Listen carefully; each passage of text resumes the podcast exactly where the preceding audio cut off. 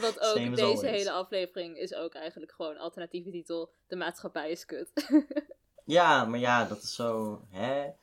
Zo'n titel hebben we basically al een keer gehad. Dus ja, op zich kan je bij heel veel van onze afleveringen is de alternatieve titel gewoon de maatschappij is kut. ja, en dat blijft het totdat de maatschappij een keertje minder kut wordt. Ja, Dom. hallo maatschappij. Luister je. ik weet niet wat ik doe, oké. Hello. Feels like I'm shouting into the void. Are you listening? Hoi, ik ben Elliot en ik ben queer. En ik ben Eva, ik ben aseksueel. En dit is onze podcast waarin we praten over alles dat met queer en pride te maken heeft. Welkom, bij Pride Pride Praat. Praat.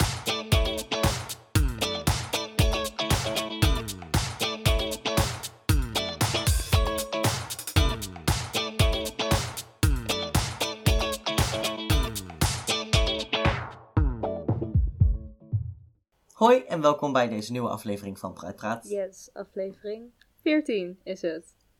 En fun fact, dat ik helemaal ben vergeten. er waren twee dingen die we hadden moeten benoemen in de vorige aflevering. Oh ja. Waarvan eentje was dat die uitkwam tijdens Pride. Ja, de Amsterdam Pride week. Ja, Week plus twee dagen. goed. We, we nemen dit wel op in Pride. Dus ik dacht, ik, eh, ik moet nog even zeggen, ik hoop dat jullie een leuke Pride week hebben gehad. Eh, voor zover dat kan met corona. ja. Ga jij er nog iets mee doen eigenlijk? Ik eh, was van plan om er iets mee te gaan doen. Ik had een hele een, een groepje mensen met wie we plannen hadden gemaakt. En vervolgens kwamen we erachter dat sinds de nieuwe regels van corona. Want hè, Pride was in eerste instantie gemaakt. Like de, de plannen van Pride waren gemaakt toen alles weer open ging. Ja. En toen was niet alles meer open. En nu moet je betalen om naar Pride te mogen. Oh, serieus? En toen hadden we zoiets van: yo, ik ga geen tussen de 12 en 14 euro betalen om, naar, om in een stoeltje te zitten en naar iets te kijken. Nee, snap ik. Meedoen aan een evenement. En dit is niet meedoen aan een evenement, dus laat maar. Dus nee, er komt misschien een, in het weekend een vriendin langs en dan gaan we samen smoken. Ah. En dat is wat ik doe met Pride. Leuk. ja. Ja. En het tweede ding dat ik wilde zeggen is dat het ook eigenlijk toen de vorige aflevering uitkwam. En dan een dag daarvoor. Maar was het zes maanden geleden dat we de trailer hebben geüpload. Dus we bestaan een half jaar. Yay! en dat vind ik leuk en dat wilde ik even benoemen. Happy halfjaar anniversary voor onze podcast. Het is wel idioot Cool. dat we het al een half jaar doen. ja, wow. Echt een wereld van verschil. Ja. Ik, was, eh, ik heb gisteren een, een, zo'n transitie TikTok afgemaakt waarvan ik het begin zeven maanden geleden heb opgenomen. Oh. En ik gisteren, weet je wel, dat was zo, ik had echt van, what the fuck. Mhm. Ik had nog zo'n babyface zeven maanden geleden. Het is echt heel grappig. Ja. ja. Maar goed. Eva, waar gaat deze aflevering over? Deze aflevering gaat over heteronormatieve dingen. Cool. Cool. Cool, heteronormatieve dingen. ja. Wat betekent heteronormatief? Oh, voor de luisteraar God. die dat niet weet. Eh, dat. ik weet wat het betekent, maar ik weet even niet hoe ik het heb. Dat zeg maar. de maatschappij heel erg is ingedeeld op hetero koppels en mensen. En jij was. Je bent zo... Je zit echt zo... Elliot, help me. Ja, Elliot, ga jij maar. uit. nou ja, gewoon het woord ontleden. Eh, het woord heteronormatief bestaat uit hetero en norm en dan atief, maar dat atief houden we wel eventjes. Dus basically houdt het in hetero is de norm. Ja, oké, Ehm, top. we gaan er in alles van uit dat heteroseksualiteit en heteroseksuele stellen, nog specifieker monogame, cisgender, heteroseksuele Ja, mensen zijn de norm. En dat betekent dat de maatschappij daar heel erg op is ingericht. Een voorbeeld daarvan was dat ik een keertje langs een juwelier liep. En heel mooi in de etalage lagen allemaal trouwringen. mhm. En alle trouwringen waren één kleine ring en één grote ring. Je hebt één man en één vrouw. En een vrouw heeft kleinere handen dan de man. En weet je wel, en ik was zoiets van, wat stom. Wat stom. Dat zei ik toen ook was met mijn moeder. En ik zei tegen mijn moeder, wat stom. En mijn moeder van, ah, loop door met je lesbische hoofd. En ik zei, nee, nee, godverdomme. Oh my god, wanneer was dit? Dit was in 2017, Oh, schattig. denk ik. Of 2016 of zo. Ja. en ik zo, nee verdomme, ik wil gewoon gelijke rechten. Ja. En dat betekent ook gelijke ringen, jongen. Ja, Maar. Ja, dus dat is eh, heteronormativiteit. Ja. En een onderdeel van heteronormativiteit is ook, en dat is meteen een mooi onderwerp om mee te starten, het feit dat iedereen er altijd van uitgaat dat dat je- iedereen hetero is. Ja... Vermoeiend. Ja, ja, behoorlijk vermoeiend. Ik vind het wel grappig, want wij hebben allebei daar een ander standpunt, zeg maar een ander kijkpunt op. Mhm. Omdat wij andere seksualiteiten hebben. Mhm. Ehm, en dat kwam heel erg boven tafel op het moment dat we een keertje daarover aan het praten waren. Ik weet niet, volgens mij waren we toen aan het wandelen bij de Goffert of zo. Of het was dat ik liep terwijl ik een spraakbericht stuurde. En ik liep bij de Goffert. Maar in mijn hoofd is het gelinkt aan de Goffert. Oké. Over... ehm, nee, toen waren we aan het wandelen. Dat was met die hond toen. Met, dat- met die puppy. Weet je dit nog? Mm, er zijn wel meer honden in de Goffert. I don't know, man. Oké, anyway. Toen waren we aan het wandelen en toen eh, maakte ik, eh, vertelde ik over een TikTok die ik had gezien. Waarin de TikTok dus zo zei van waarom is biseksualiteit niet de norm? En toen was jij zo van, nee, waarom is aseksualiteit ik niet de blijf norm? pleiten Toen voor had ik aseksualiteit moet de norm zijn. Ja, ja, en toen had ik zoiets van, oh, oh ja, natuurlijk, what the fuck. Dat is, ik, ik snap dat standpunt zo goed. maar goed. Ehm, Eva, hoe kijk jij naar heteronormativiteit in de zin van dat iedereen altijd denkt dat iedereen hetero is? Het is irritant. oh god, ik merk nu al dat ik zo weinig ehm, inhoudelijks toe ga voegen deze aflevering. Ja, niet zeggen. Misschien komt er zo meteen ineens een hele golf aan, weet ik veel, Rant. dingen. Ja. Plot twist. Eva rant een keer in plaats van dat Elliot. Ehm, Niet dat ik, you know, 15 minuten aan rant uit de aflevering knip. Oké. over de maatschappij is Eh. kut. wat, was ik, wat was je oorspronkelijke vraag? Ja, over? nee, mijn, mijn vraag was: hoe kijk jij naar heteronormativiteit? In dat iedereen ervan uitgaat dat iedereen hetero is. En Oh toen ja, zei jij irritant. antwoord, dat is irritant. Ja, en toen wilde ik vragen: kan je wat meer uitleggen vanuit een eh Aseksueel aseksueel perspectief? perspectief? Ja, Ja, nou, wat ik al vaker het heb is vorige aflevering ook kort te sprake geweest. Dus misschien is het een beetje een herhaling. Maar dat, ja, dat, maar in de zin van. Wat heb ik vorige aflevering gezegd? Vorige aflevering hebben we het er ook wel even over gehad. Omdat we het toen hadden over. Ik weet het niet meer precies. We hadden het ergens over. En toen hadden we ook heel even kort genoemd van waarom is aseksualiteit niet de norm? Omdat je dan. Ja, want je kan dat zo makkelijk, zeg maar, gewoon het tegendeel bewijzen dan.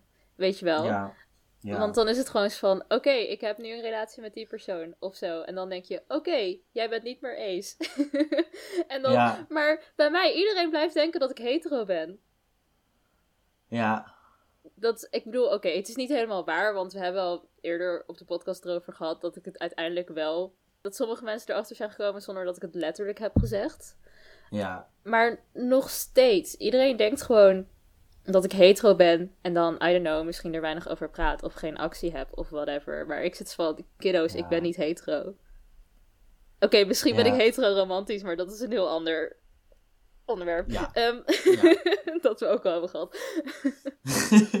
En het, ja, het is gewoon van, waarom is er überhaupt een norm? Eigenlijk zou er gewoon geen norm moeten zijn, weet je wel. Iedereen is gewoon wat hij wil. En het is bekend dat aseksualiteit ook een ding is. dus je kan Ja. ook niks doen. ik ben nu een beetje aan het denken omdat jij zegt van iedereen gaat ervan uit dat ik hetero ben. En toen dacht ik zo van ja, maar ja, dat is ook als je gay bent. Like, of bi of whatever. Ja. Dat is een beetje, dat is het hele ding ervan, Ja, van de heteronormativiteit. Dus iedereen ik- gaat ervan uit En mijn punt dat is je... niet dat, dat mensen die niet ace zijn dat niet hebben. Mijn punt is meer dat Nee, ik nee, moet nee. zeggen, hoi, ik ben aseksueel. Ja, Om mensen het niet meer te laten denken. Terwijl, ja. hallo mensen, mhm. dingen kunnen zeggen over mensen die niet het andere geslacht zijn. En dat je dan kan concluderen, oh. Ja, dat klopt inderdaad. Dat is inderdaad best wel waar. Ik heb dat meerdere keren gehad binnen mijn toneelvereniging. Dat ik dan met mensen aan het kletsen ben. En dat iemand dan zegt, oh, dat is dan een vrouw die zegt, oh, ik vind haar zo aantrekkelijk. Ik zou haar Mhm. echt heel graag willen zoenen. Dat ik zoiets heb van, uit, Ja, Nu, precies. ja, nu, Oké, nu ga ik er niet meer vanuit dat je hetero bent. Dat Nee, ik dan precies. mijn hoofd zeg van je bent lesbisch of je bent bi. Ik label mensen niet op een bepaalde manier totdat ze zelf hun label aan Ja. mij opdragen. Maar dan plaats ik ze in ieder geval niet meer binnen hetero. Nee. Wat mij nu trouwens ineens opvalt Ja. nu ik dit zeg, is dat ik, ondanks dat ik fucking queer ben, Uh-huh. ik ook heel heteronormatief denk. Ja, ik ook. Maar aan de andere kant merk ik ook wel dat ik het steeds minder doe.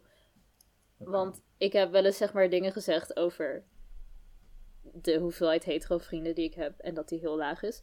Maar dan heb ik ook zoiets van, ja, ik denk dat ik van een van die mensen, een van de drie of zo, of drie of vier, I don't know, die ik heb, van eentje weet ik alleen maar zeker dat ze hetero is Ja. omdat ze het zegt. en dan met de rest heb ik het er niet zo expliciet over. Dus dan wil ik er ook niet van uitgaan dat ze hetero zijn. Want waarom zou ik dat doen? Ja. Ja, nee, dat is een goeie. Maar het is wel, ja, het zit zo erg gewoon in je hoofd. Ja. Dat iedereen hetero. Ja, ik, best wel apart dat dat gewoon zo. Nou ja, ik bedoel, je leert het gewoon vanaf Ja. jongs af aan, leer je het gewoon aan. Het is een beetje hetzelfde als, als het gras is groen en een stoel heet een stoel. Zo Ja. hard wordt het erin geramd Mhm. gewoon. En ik denk ook dat daarom, ah, ik kan me dat nog herinneren, ik vond dat zo, ik vond dat toen echt hilarisch. En nu is het gewoon een, oh ja, heteronormativiteit ding. dat ik toen ik, ik denk 15 of 16 was, dit was echt, voor de luisteraars wel even...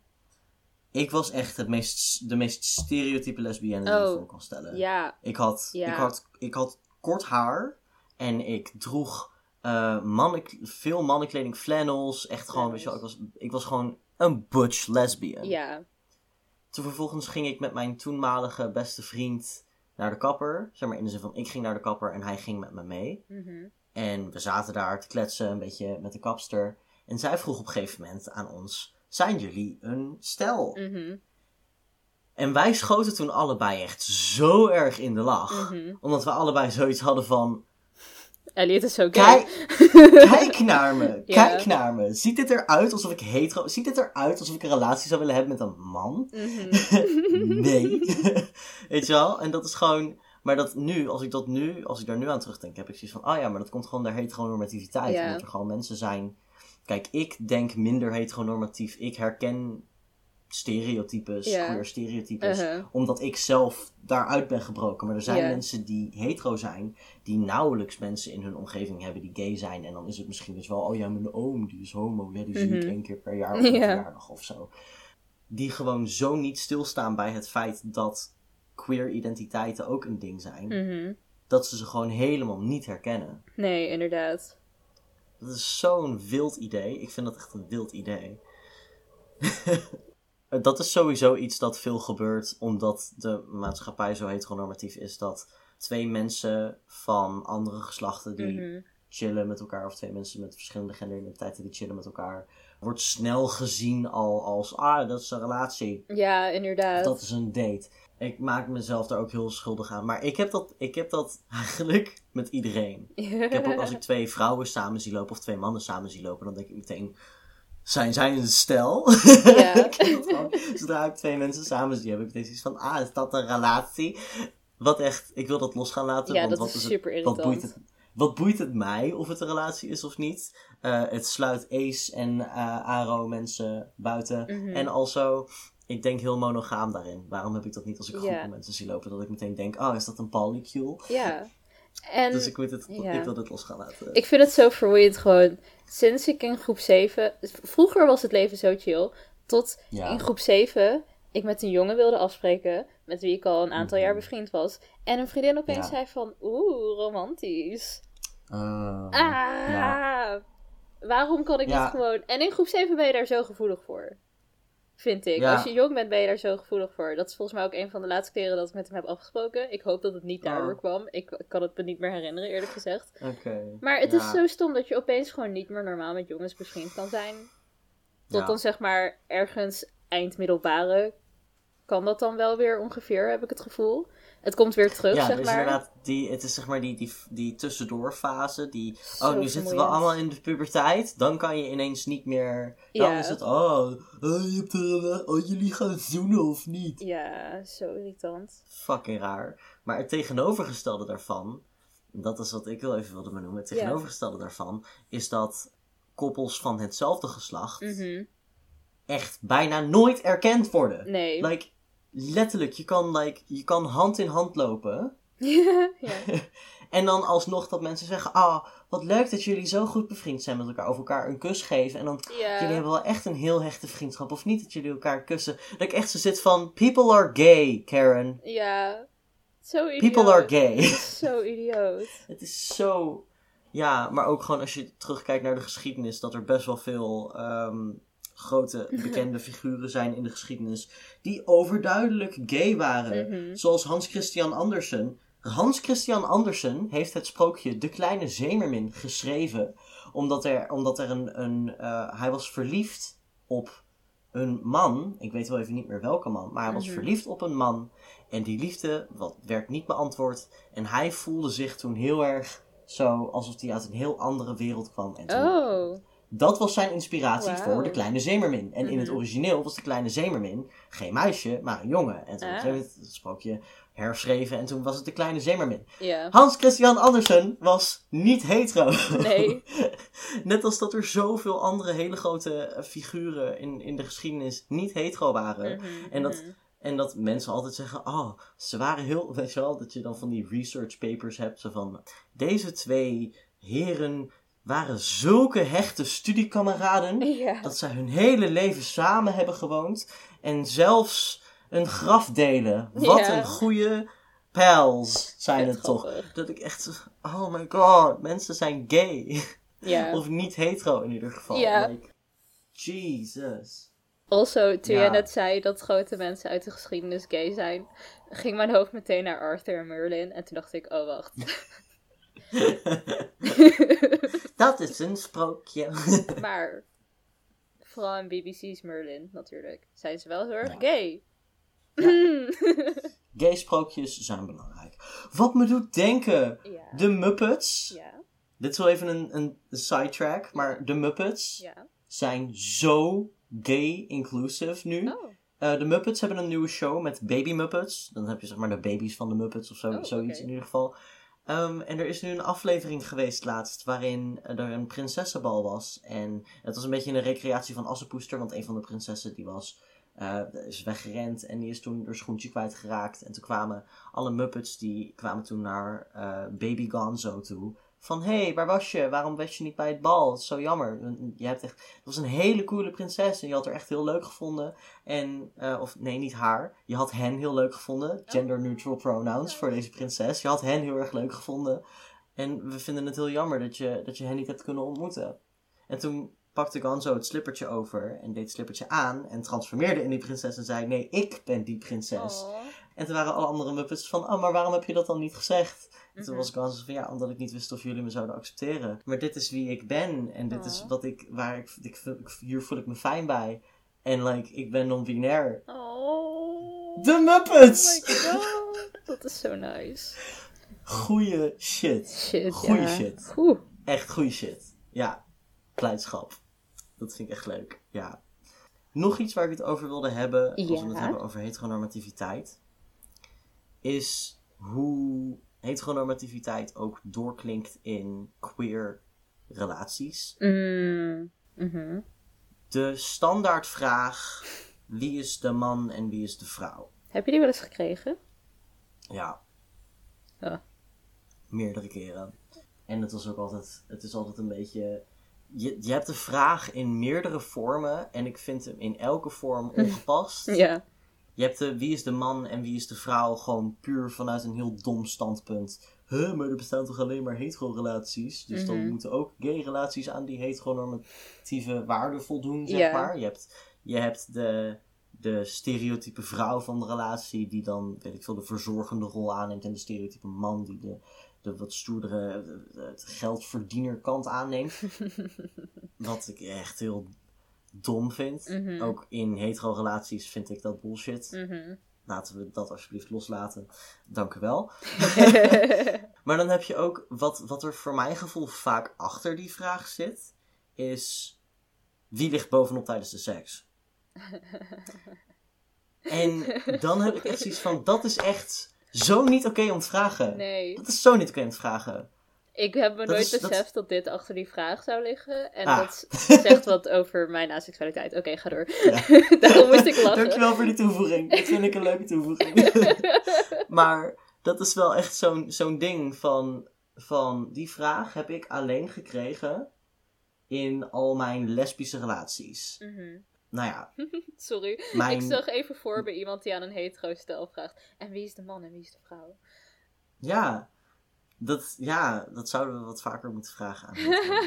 Ja. en, dan, en dan hopen dat de vrouw reageert met... Kan je dat niet zien? Ik ben de man natuurlijk. Weet je wel? ja. Ja. Oké, sorry, ga door. lekker, lekker de rollen omdraaien. Anyway. Maar het grootste gedeelte, of nee, niet het grootste gedeelte, al mijn lesbische relaties heb ik allemaal gehad voordat ik 18 was. Hoe onfatsoenlijk moet je zijn om aan een minderjarig iemand te vragen: hey, hoe heb jij seks? Maar echt, Echt goor. Echt sowieso goor, echt is dat goor. niet iets dat je moet vragen. Sowieso, nee, sowieso, Maar- onafhan- ongeacht leeftijd. Maar als het minderjarig stukje erbij het komt, maakt het even extra, Ja. maakt het even extra kut. Extra kut, andere term voor lesbische relaties. Sorry. Sorry. I saw a chance and I had to take it. maar goed, nee, dus dat is ook iets waarvan ik echt, dat is, het is zo irritant. Ook gewoon het, er is zo'n heel idee binnen, of een idee wat ik heel veel tegen ben gekomen binnen lesbische communities, is je hebt femme lesbians, die zijn wat Mhm. vrouwelijker, en de butch lesbians, en die zijn wat mannelijker. Mhm. En een relatie van lesbiennes kan alleen bestaan uit een butch en een femme. Mhm. En dan is de femme is vrouwelijk en de butch is mannelijk. Recentelijk zie ik steeds meer dat stereotype dat stiekem dan de butch eigenlijk vrouwelijker is. Of weet je wel, wat meer een softie is dan de femme. Ik heb zoiets van, dat is zo, dat is niet, daar gaat de relatie niet om, Nee. toch? Het gaat om dat je iemand ontmoet en dat je een klik hebt met iemand en dat je op een gegeven moment gevoelens krijgt voor die persoon en van die persoon houdt en je fijn voelt bij die persoon. Mhm. En het gaat helemaal niet like, om of die persoon dan, hoe die, like, wat? Nee, maar echt. het staat zo los van elkaar. Het is zo'n bullshit. Het idee dat, dat bijvoorbeeld ook, nou ja, en dat is ook iets dat ik nu zelf heel chill vind in mijn eigen leven, is ik doe niet aan gender. Ik weet wel eventjes, ik heb echt vandaag de meest recentelijke gendercrisis gehad van de, de fuck. Ehm, dus op dit moment, op dit moment doe ik heel eventjes niet aan gender. Ja. Behalve lekker gewoon, ja. Maar dat is, dat is meer mijn lichaam dan mijn genderidentiteit of zo, I guess. Oké, goed verhaal. Ja, ik uit mij best vrouwelijk. Ik ben een best vrouwelijk persoon. Dat ben ik altijd al geweest. Dat vind ik ook nice, dat mag er lekker zijn. Mijn geliefde is ook lekker vrouwelijk. Mhm. Ja, oké, en dat is. En dat is. En dat, dat zijn wij. En mijn geliefde heeft een relatie met een vrouw. En zij zijn ook allebei best Mhm. vrouwelijk. En daarnaast heeft mijn geliefde ook een relatie met een man die, nou ja, niet, niet heel mannelijk stereotype eh, man is. Weet je wel? Mhm. hij, is ook wat, hij heeft ook een heel zachte kant. Of die ik, in ieder geval zie ik heel veel. Ik zag hem en ik had meteen zoiets van, oh je bent echt zo heerlijk, lekker, gewoon zachtaardig en vrouwelijk. En het straalt helemaal van je af. Mhm. Fijn. Ja, het- ik, vind het zo, ik vind het een heel dom idee dat relaties alleen kunnen bestaan binnen een... Er is één mannelijk en één vrouwelijk. Ja. Maar echt. Alsof je een bepaald recept moet volgen of zo. Ja, dat is echt idioot. Ja. We hebben het nu heel veel over heteronormativiteit binnen relaties. Of dat nou hetero-relaties of queer-relaties zijn. Ik ben heel, ja, toch nog wat meer benieuwd naar of jij nog iets toe te voegen hebt vanuit een ace-perspectief. zeg Vanuit een ace-perspectief. Nou, ik weet niet in hoeverre dit ace-perspectief is. Maar ik, het is gewoon een opmerking die ik al de hele tijd wil maken, maar nergens op aansluit. Over ja. in hoeverre mijn brein ook heel erg heteronormatief is. Want bijvoorbeeld, misschien is dit wel ace-perspectief. Want ik, word, ik, ik stress me altijd dood als ik word aangesproken of zo door mensen. Weet Ja. je wel? Of als Ja. ik gewoon met een jongen zit te praten en het gezellig heb, dan heb ik nog steeds altijd zo'n ding van. Maar wat nou als hij meer wil? Ah, weet je wel. En dan heb ik niet met meiden. Dan heb ik ook echt zoiets van... Oh, ja. Zeg maar aan de ene kant fijn. Want ik wil niet stressen bij elke fucking interactie die ik heb. maar aan de andere kant heb ik zoiets van... Ja, maar meiden kunnen mij dat zo goed leuk vinden. en meer willen. En dat... En ja, ik vind dat gewoon... Oké, heb je naar jouw weten wel eens gewoon gechilled met een meid die zich identificeerde als lesbisch of biseksueel, of in ieder geval die op vrouwen viel? En heb je, like, heb je dat wel eens naast mij, zeg Ja. maar, in het verleden? En heb je dan ook niet die stress? Nee, Oh, oké. Ja. Maar oké, misschien is het wel anders. Want natuurlijk met jongens die ik al lang ken, heb ik ook niet die stress. En ik denk nu even zo snel alleen maar aan meiden die ik, met wie ik goed bevriend ben. Aha. Ik denk, maar heel vaak weet je ook niet op wie ze vallen. Aan het begin. Als je zeg maar net die eerste interactie hebt en het is gezellig, weet je wel. Ja. En, maar dat Ja. weet ik ook niet van mannen. Ik denk dat het misschien ook voortkomt uit ehm, dat. Dat is ook iets heel heteronormatiefs voor mijn gevoel. Dat in het ontstaan van romantische of seksuele connecties met mensen. Mhm. mannen vaak geacht worden om de eerste stap te zetten. Oh Het is een man vraagt je op date. eh, en een man vraagt je ten huwelijk. En weet je wel, dat is zo'n dom iets van de man moet altijd als eerste. Mhm. Wat ik, ik vind dat, ik vind dat, ik Nee, snap dat niet. Waarom? Maar goed, ja. Ik snap dat niet, maar ik denk dat het misschien ook een beetje daarvan uitkomt. En ook omdat in het verlengde daarvan er een onderzoek is geweest. Dat ik misschien al een keer eerder gementiond heb op de pod, maar dat is dan heel lang geleden. Dat er een Mhm. onderzoek is geweest waaruit heeft, is gebleken dat ehm, vrouwen vaker denken mannen en vrouwen kunnen vrienden zijn. Oh ja, mannen en ja, vrouwen klopt. kunnen vrienden zijn. En dat mannen, heteroseksuele mannen, vaker denken dat hetero mannen en vrouwen geen vrienden kunnen zijn. Mhm. Zonder dat er op een gegeven moment daar iets, iets ontstaat. Zeg maar. Ja. Dus misschien komt dat idee ook wel daaruit voort. ja, misschien hebben mannen ook wel gemiddeld vaker bedoelingen Ja, dat zou kunnen. erachter liggen dan vrouwen dan.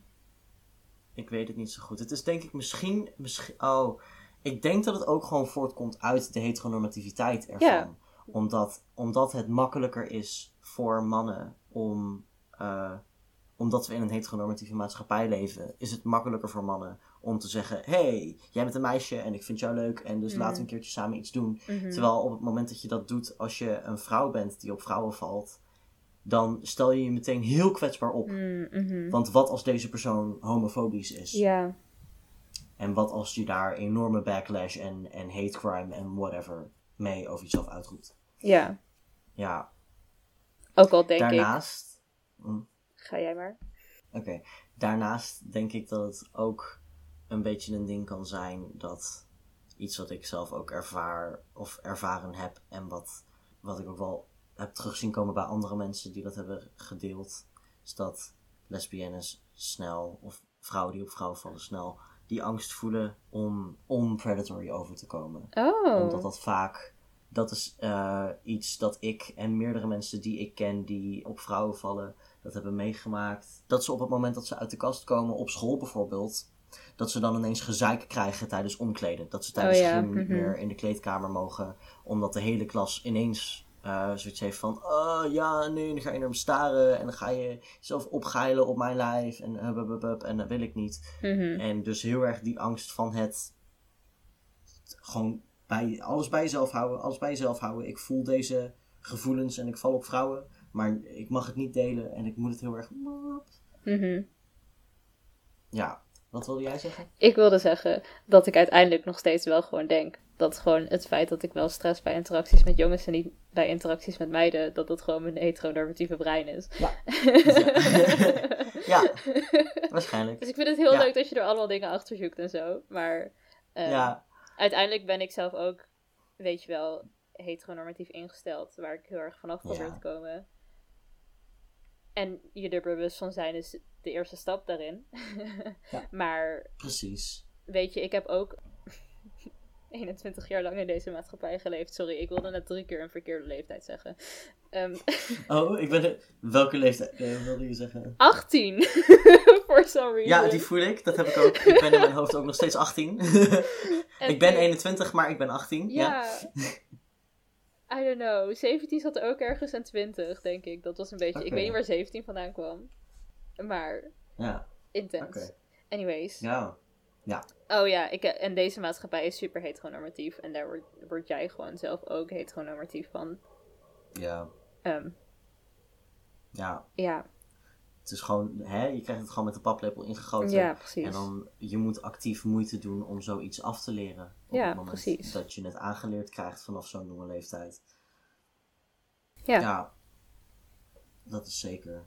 Maar het is wel, nou ja, het was, om heel even terug te komen op het, ik probeer allemaal dingen te bedenken van waar het uit zou komen. Het was Oh, niet ja. per se een, een, ik probeer dingen te bedenken waar het uit voort kan komen. Het is meer gewoon een interessante analyse van eh, hoe andere dingen, hoe heteronormativiteit doorechoot in zoveel Hmm. verschillende dingen. zeg Ja. maar. mhm, mhm. Ja. Ja. Ja, ik moet altijd bij dit soort dingen denken. Ga ik erover denken van wat precies de reden is dat we mannen en vrouwen in aparte kleedkamers stoppen, zeg maar. Ja. Is dat gewoon, zeg maar, heeft dat met seksualiteit te maken? Of Dat is heeft, dat gewoon eh, zo van, hoi, deze mensen hebben allemaal dezelfde genitaliën, jullie mogen bij elkaar? Of, Ja, het is. Het, het, ik denk dat het vooral is. Jullie hebben dezelfde genitaliën, dus jullie gaan bij elkaar. En ik denk dat het dan. Dat het ook vanuit een, een perspectief van veiligheid is. Wat. Dat is een heel. Like, that's a can of worms. you can open. Veiligheid in de zin van seksueel geweld. Mhm. Ik vind het zelf best wel intens dat sexual predators en de omgang daarmee dusdanig een probleem is dat niet echt adequaat wordt aangepakt, Mhm. want het leidt tot mensen scheiden op basis van genitaliën, maar het gebeurt nog steeds veel te vaak Mhm. zeg maar. Ik weet niet. Ja, eh, hoe moet ik dit goed verwoorden? Ik vind het best wel heftig dat we eigenlijk weigeren om het probleem bij de roots aan te pakken. Oh, oh, maar echt, maar echt, maar echt. Dat het gewoon een beetje zo'n ding is van, oh, dit, dit bestaat, dit is een ding. Oké, dat moeten we accepteren, dat het een ding is. Mhm. En dan vervolgens gaan we allemaal regeltjes en systeempjes eromheen bedenken. Om ervoor te zorgen dat het toch zo min mogelijk gebeurt. Maar dat het nog wel een ding blijft. Ja, Wat ik heel dom vind. ik word er zo verdrietig van. Al die posts Ja. die laatst rondgingen over dat op school meiden worden benadeeld als ze te weinig aan hebben. En dan tegelijkertijd op, wat ik weet niet welke sport het was, beachvolleybal of zo, I don't know. Dat mensen Ja. geen fucking normale kleding aan mochten. Ja. Meiden, is- bedoel ik ook vrouwen dan. Of, Ja. Dus zo van, ja, dat is zo ook fucking scheef. inderdaad. Als je het dan hebt over kleding, dan is het inderdaad zo'n ding van. Ik heb wel eens gezien jongens die op school rondlopen met. Dat was een shirt van het McDonald's logo, maar het was niet echt het McDonald's logo. Het was een vrouw die met haar benen gespreid lag Oh. en een M vormde, zeg maar. Oh met daaronder de tekst I'm loving it. Oh mijn god. En hij werd niet, hij werd niet Nee. gedresscode. Hij mocht dat shirt de hele dag aanhouden. En dan heb je een meisje die heeft een tanktop aan, waardoor je de schouders kan zien. En zij Ja. wordt naar huis gestuurd en mist een dag school, Ja. omdat zij een shirt aan heeft dat niet mag. Ja. En we willen nu, en dit is iets, dit, is, dit zijn vooral van die Amerikaanse verhalen die je dan Ja. hoort. Ze willen nu in Nederland ook dresscodes Nee, op de basisscholen in gaan voeren. Waarom? Gebaseerd op de Amerikaanse dresscodes. En ik vind dit heel erg. Sorry, maar we moeten hier in Nederland niks doen gebaseerd op wat dan ook Amerikaans.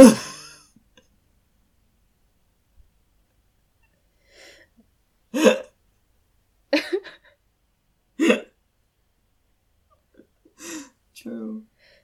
Ik probeer iets te bedenken waarvan ik kan zeggen, ja, behalve dit. Maar ja, behalve, Oké. ik heb één ding. Behalve dat ze in Amerika nog oprecht natuur hebben. En dat wij in Nederland, we hebben wel, hè, we zeggen wel, oh, we hebben natuur. Mhm. Maar alle natuur die wij in Nederland hebben, eh, is, wordt gecontroleerd door de gemeente en de regering. Ja. Zoals de Veluwe. Elk stukje Veluwe, grond daar, is volledig precies uitgepland door de regering. Ja. En als er te veel dieren zijn, dan worden ze afgeschoten. In Amerika is dat niet. In Amerika hebben ze gewoon kilometers en kilometers aan gewoon wilde natuur. En dat Elliot, in Amerika is daar plaats Verder- voor. I know. En in Nederland zou er ook plaats voor zijn. Als we niet met z'n allen hadden bedacht, hé, hey, dit moet nu allemaal. Maar goed. Ik heb, ik heb het niet over kilometers aan kilometers. Dat is, weet je wel. Dat is, maar anyway, dat is het enige waarvan ik zoiets heb van dat zouden we misschien over kunnen nemen van Amerika. Oké. Eh, dresscode absoluut niet. Nee. Dresscode. Ik vind ook En wel het is ook. dat, dat het gewoon... Het gaat nu toch gewoon goed op Nederlandse scholen. In principe. Ja. Het gaat toch prima? Waarom heb je dresscodes nodig? Ja, en ook een beetje. Ik vind het ook scheef dat bij dresscodes het vaak zo'n ding is van. ehm, de jongen, of eh, ja, de jongen kan zich niet beheersen. Ja. Dus moet het meisje iets anders aandoen. Dat vind ik een heel mooi. Ik vind het een heel goed voorbeeld van hoe deze maatschappij functioneert. Ja. Het is fucking idioot. En ik kan er niet goed Altijd. uit mijn hoofd. Ja, het is. Dat is als je het hebt over male privilege. Het is echt een. Een man maakt een fout. Of kan zich niet beheersen. Of een man heeft ergens last van. Dus moet de omgeving veranderen. Zodat de man daar ja. geen last meer. Ja. Wat ik echt heel dom vind. Dat Ik echt- ook. Maar.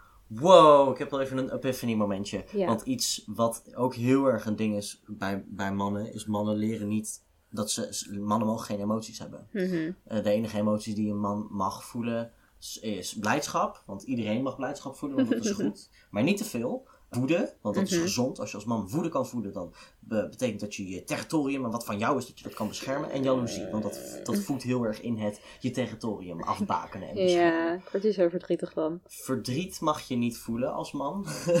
en dat soort dingen. Maar, dus je leert ook, je leert ook geen emotietolerantie. Je leert ook niet omgaan met je emoties. En ik denk dat Mhm. dit heel erg mooi doorechoot in wat ik net noemde. Van alles, de hele omgeving moet zich aanpassen aan de man. Want de man leert op de meest basis, like emoties, dat is echt Mhm. een van de meest basis dingen die je hebt als mens. Ja, Maar daar leren ze niet mee omgaan. nee. Dus waarom zouden ze moeten leren om met andere dingen om te gaan? Want als ze niet met die meest basisdingen om hoeven gaan, waarom dan met iets ingewikkelders, zoals een sociaal construct of een dresscode? Dus Ja. daarom moet de hele omgeving zich maar aanpassen. Ik denk dat dat daaruit voortvloeit, deels. Zou Oké, kunnen. dat wilde ik Het- ik haat. Ik haat. Ja, ik Dat haat is het. ook dat. Ik haat. Ja. ja, ik haat ook. En dit komt allemaal voort uit gender, genderconstructen, be, gadver. Ja. Maar goed, dat is een andere aflevering. Ja. Zullen we door. Heb jij nog, heb jij nog dingen. Die, heb je nog laatste dingen die je wil zeggen? Nee, ik word hier gewoon heel verdrietig van. dat is, Ja, dat is het. Ja. oké. Jij? Nee. Cool. niet. Door naar de segments. Door naar Elliot gaat heel lang praten en ik ga luisteren. Door naar Elliot gaat heel lang, nog langer praten dan je denkt. Nou, want ik heb ook een kleine transitie-update. oh, wauw. Waar zit die in Ja. de volgorde? Is het eerst labels, dan transitie en dan queer history? Of is het... Het is eerst transitie, dan labels, dan queer history. Oké. Ja, we hebben nog nooit zowel transitie als label gehad. Nee. Dus daarom Klopt, klopt. Nee, vind ik het heel mooi dat je dit nu zegt als een feit. Ik zeg dit nu als een feit. Ik kijk niet in de gok, ik weet het niet. We gaan dit gewoon zo doen. ik vind het goed. Dik vet pech. Cool. Dus, eerst transitie. Het is een hele kleine update. Mijn baard begint langzaam door te komen. Oh ja, Dat is mijn update. Ik heb nu... cool. eh, voorheen had ik een, ja, een beetje de, de geest van een snor op mijn bovenlip hangen. en ik heb een onderkinbaardje, heel sexy. En een beetje een bakkenbaard. En nu begint mijn soul patch langzaam te groeien. Dat is onder mijn onderlip. Begint, eh, is nu donker aan het worden. En ik heb nu best wel veel haar op mijn wangen. Alleen het is nog heel licht. Ja. Dat is mijn transitie-update. Door naar labels. cool. Het label van vandaag is transgender. Eh, transgender is geen seksuele of romantische oriëntatie en ook geen genderidentiteit. Het is een gendermodaliteit. Ook wel Oh. een wijze van zijn of manier waarop iets is. Wauw. Ja, de term transgender laat zien dat er een verschil is tussen iemands genderidentiteit en diens aangewezen gender bij de geboorte.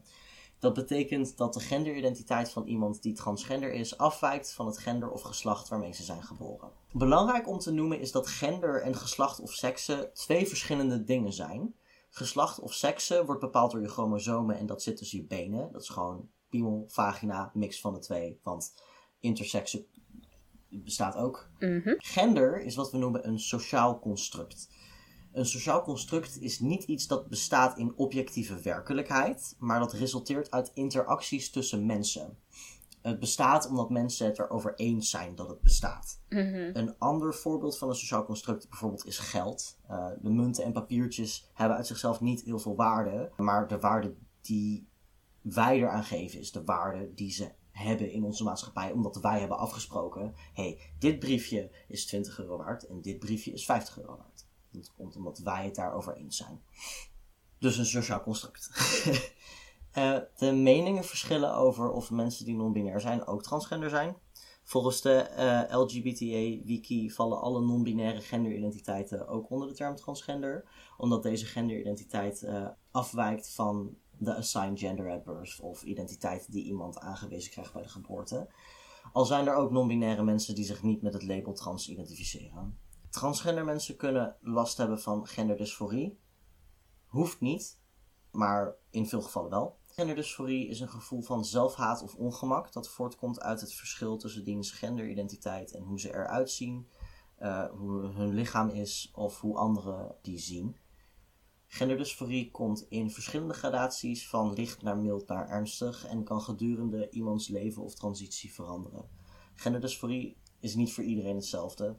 Zo zijn er mensen die genderdysforie ervaren rondom hun genitaliën en zijn er transgender mensen die geen genderdysforie ervaren rondom hun genitaliën. Dan gaan we naar de vlag.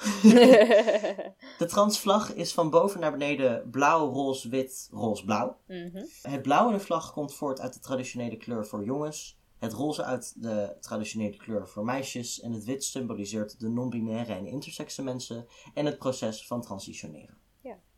Oké, die ene post waarin zo'n dude denkt dat het de hetero-vlag is. Ja, Te grappig. Blauw staat voor mannen, roze staat voor vrouwen en wit staat voor, voor de, de, de echte pure liefde tussen mannen en, Ja. en vrouwen. Zo grappig, echt te grappig. Uh, gaan we door naar queer history. Ja, ik ben heel benieuwd, want Elliot heeft me net echt super excited berichtjes gestuurd over dat hij het al met me wilde delen. Ook al gingen we echt over een paar uur opnemen. nu Eve, nu het blijf is- ik lullen, zodat het nog langer duurt. Het is zo cool, Eve. Het is zo onwijs gaaf, dit feitje. Ik zweer. Oké. Eh, om te beginnen wil ik wel even een shout-out geven naar het tv-programma De Roze Revolutie op NPO en de VPRO-gids, omdat ik via een interview dat in de gids stond over het programma De Roze Revolutie op dit fucking gave en leuke feitje ben gekomen. Dus shout-out daarnaar. Eh, mocht je interesse hebben om De Roze Revolutie te kijken, eh, het staat gewoon op NPO Start. Dus je kan het gewoon terugkijken. Ik heb het zelf nog niet gedaan, maar anyway. Ehm, cool. Het queer history feitje van vandaag gaat over de gay games. Wat Eh? is dat, vraag je? De Gay Games is het grootste LGBTQ sport- en cultuurevenement ter wereld. Opgericht in 1980 door Tom Waddle. Waddle was een homoseksuele Olympische atleet die de Gay Games oprichtte omdat hij een sportevenement vrij van homofobie wilde. De eerste games waren in 1982 in San Francisco in de Verenigde Staten.